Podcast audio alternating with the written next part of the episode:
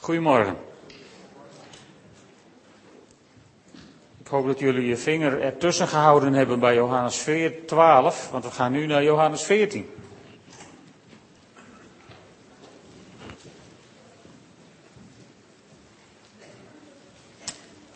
Johannes 14, vanaf vers 14. Een stukje uit het hoge priesterlijk gebed. En dan zegt Jezus dit. Ik heb hun uw woord gegeven. De wereld haat hen, omdat ze niet bij de wereld horen zoals ook ik niet bij de wereld hoor.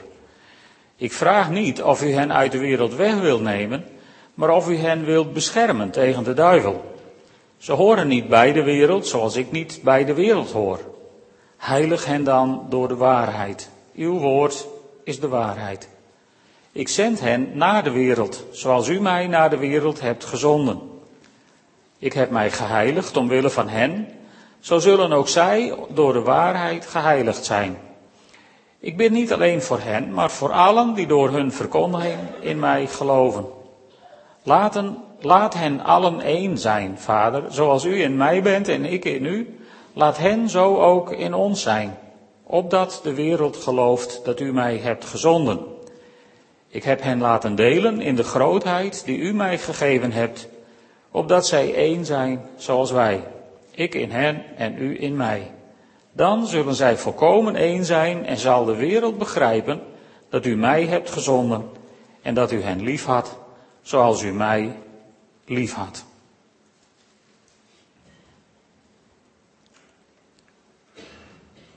En drie dingen wil ik even bij stilstaan. De wereld haat hen. De wereld gelooft. En de wereld zal begrijpen. De wereld haat.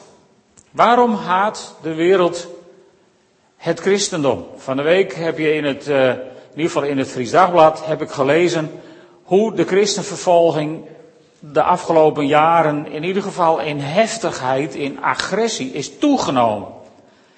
Alleen al in Noord-Korea staan 300.000 christenen op de lijst van vermisten, die zonder enig spoor gewoon zoek zijn. Buiten de mensen waarvan we weten dat ze in de gevangenkampen zitten. Saoedi-Arabië, Iran, Irak, waar het christendom is gedecimeerd zo'n beetje de afgelopen jaren. Israël, waar het aantal christelijke Palestijnen in ieder geval zwaar is teruggelopen. En zo kun je wel een tijdje doorgaan. Waarom haat de wereld christenen? Het hoeft ons niet te verbazen, want Jezus heeft het hier er in duidelijke taal over. De wereld haat hen. En toen dacht ik, en waarom dan? Waarom haat de wereld hen? Nou, als het over de wereld gaat in de Bijbel, dan gaat het heel vaak over het systeem wat in deze wereld is ontstaan, wat, wat zeg maar de dingen in beweging houdt, wat, wat motivatie is voor mensen. En, en het systeem in deze wereld, dat staat onder heerschappij van de duivel, volgens het woord van God. En Jezus zegt hier dat zijn woord de waarheid is. Dus dat systeem, dat is niet van God. En dan lopen daar mensen om op deze aarde in dat systeem en die zijn niet van dat systeem. En dus haat het systeem hen. Want het heeft, als het goed is, geen invloed op ons. Tenminste, zo zou het moeten zijn. De wereld haat ons omdat we niet bij dat systeem horen, zoals ook Jezus niet bij dat systeem hoorde.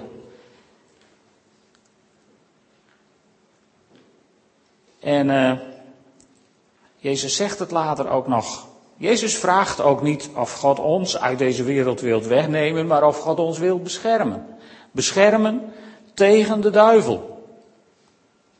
Jezus wist dus ook dat het kwaad van alles zou doen om christenen in ieder geval te overtuigen van die diepe haat en ook de gevolgen daarvan te doen ondervinden.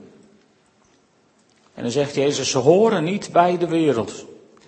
Of in de NBG-vertaling, ze zijn niet van deze wereld. Maar als we niet van deze wereld zijn, wil dat nog niet zeggen dat we van de wereld zijn. Want we staan wel met twee voeten in de maatschappij waar we terecht zijn gekomen. Daar hebben we ons plek. Sterker nog, we zijn niet weg van deze wereld. Nee, we zijn juist naar deze wereld gezonden.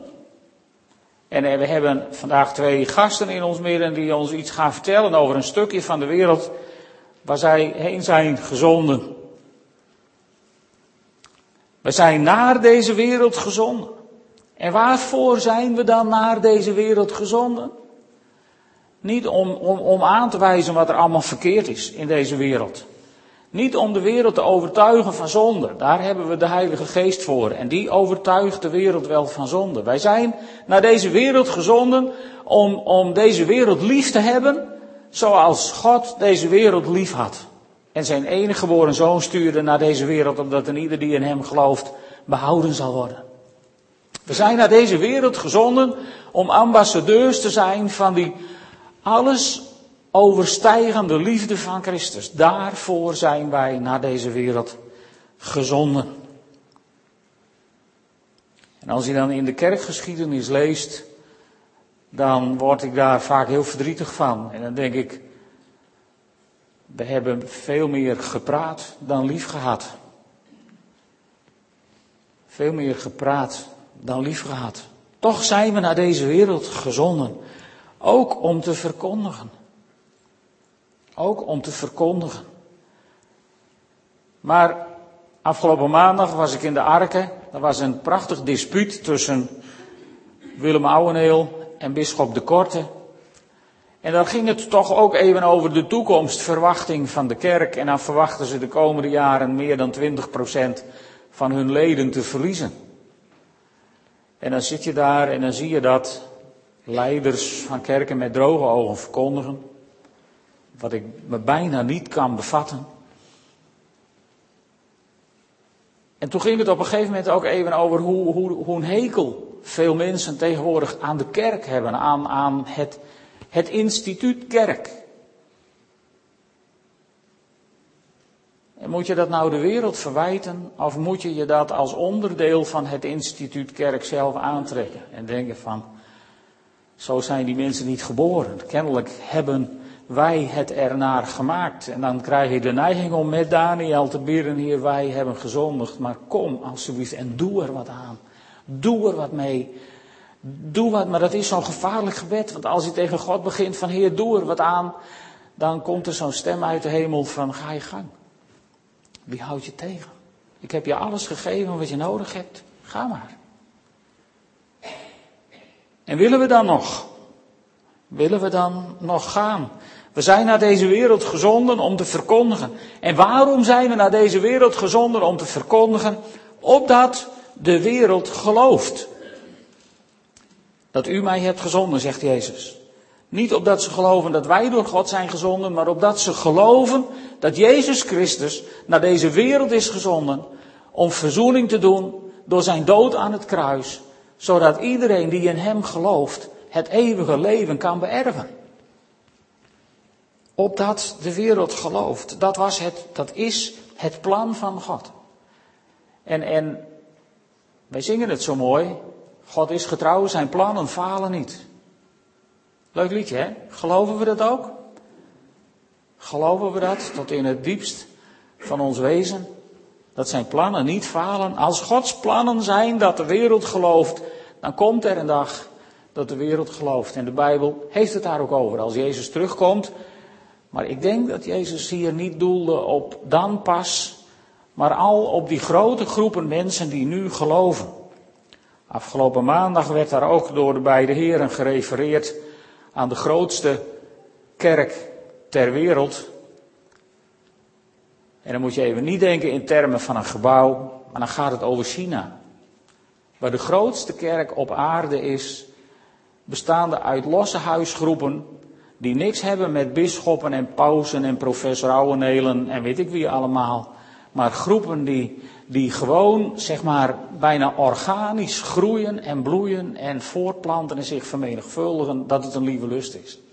Opdat de wereld gelooft, het voltrekt zich net niet voor onze ogen, maar we weten dat het zich voltrekt.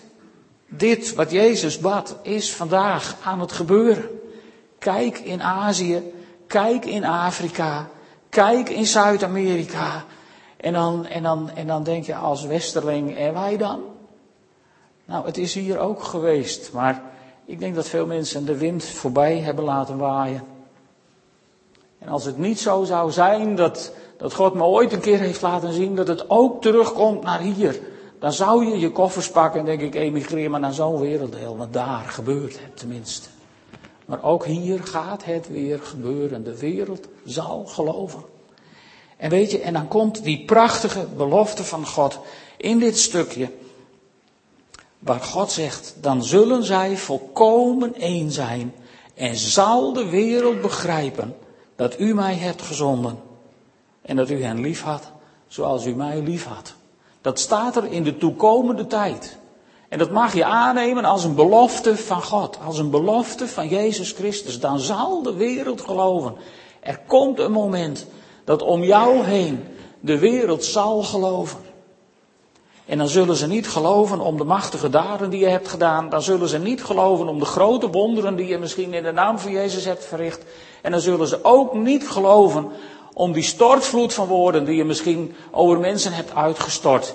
Maar dan zullen ze geloven omdat ze de echtheid van Jezus Christus in jouw leven hebben gezien. Dat is waar de wereld op uit is. Mooie verhalen doen het allang niet meer.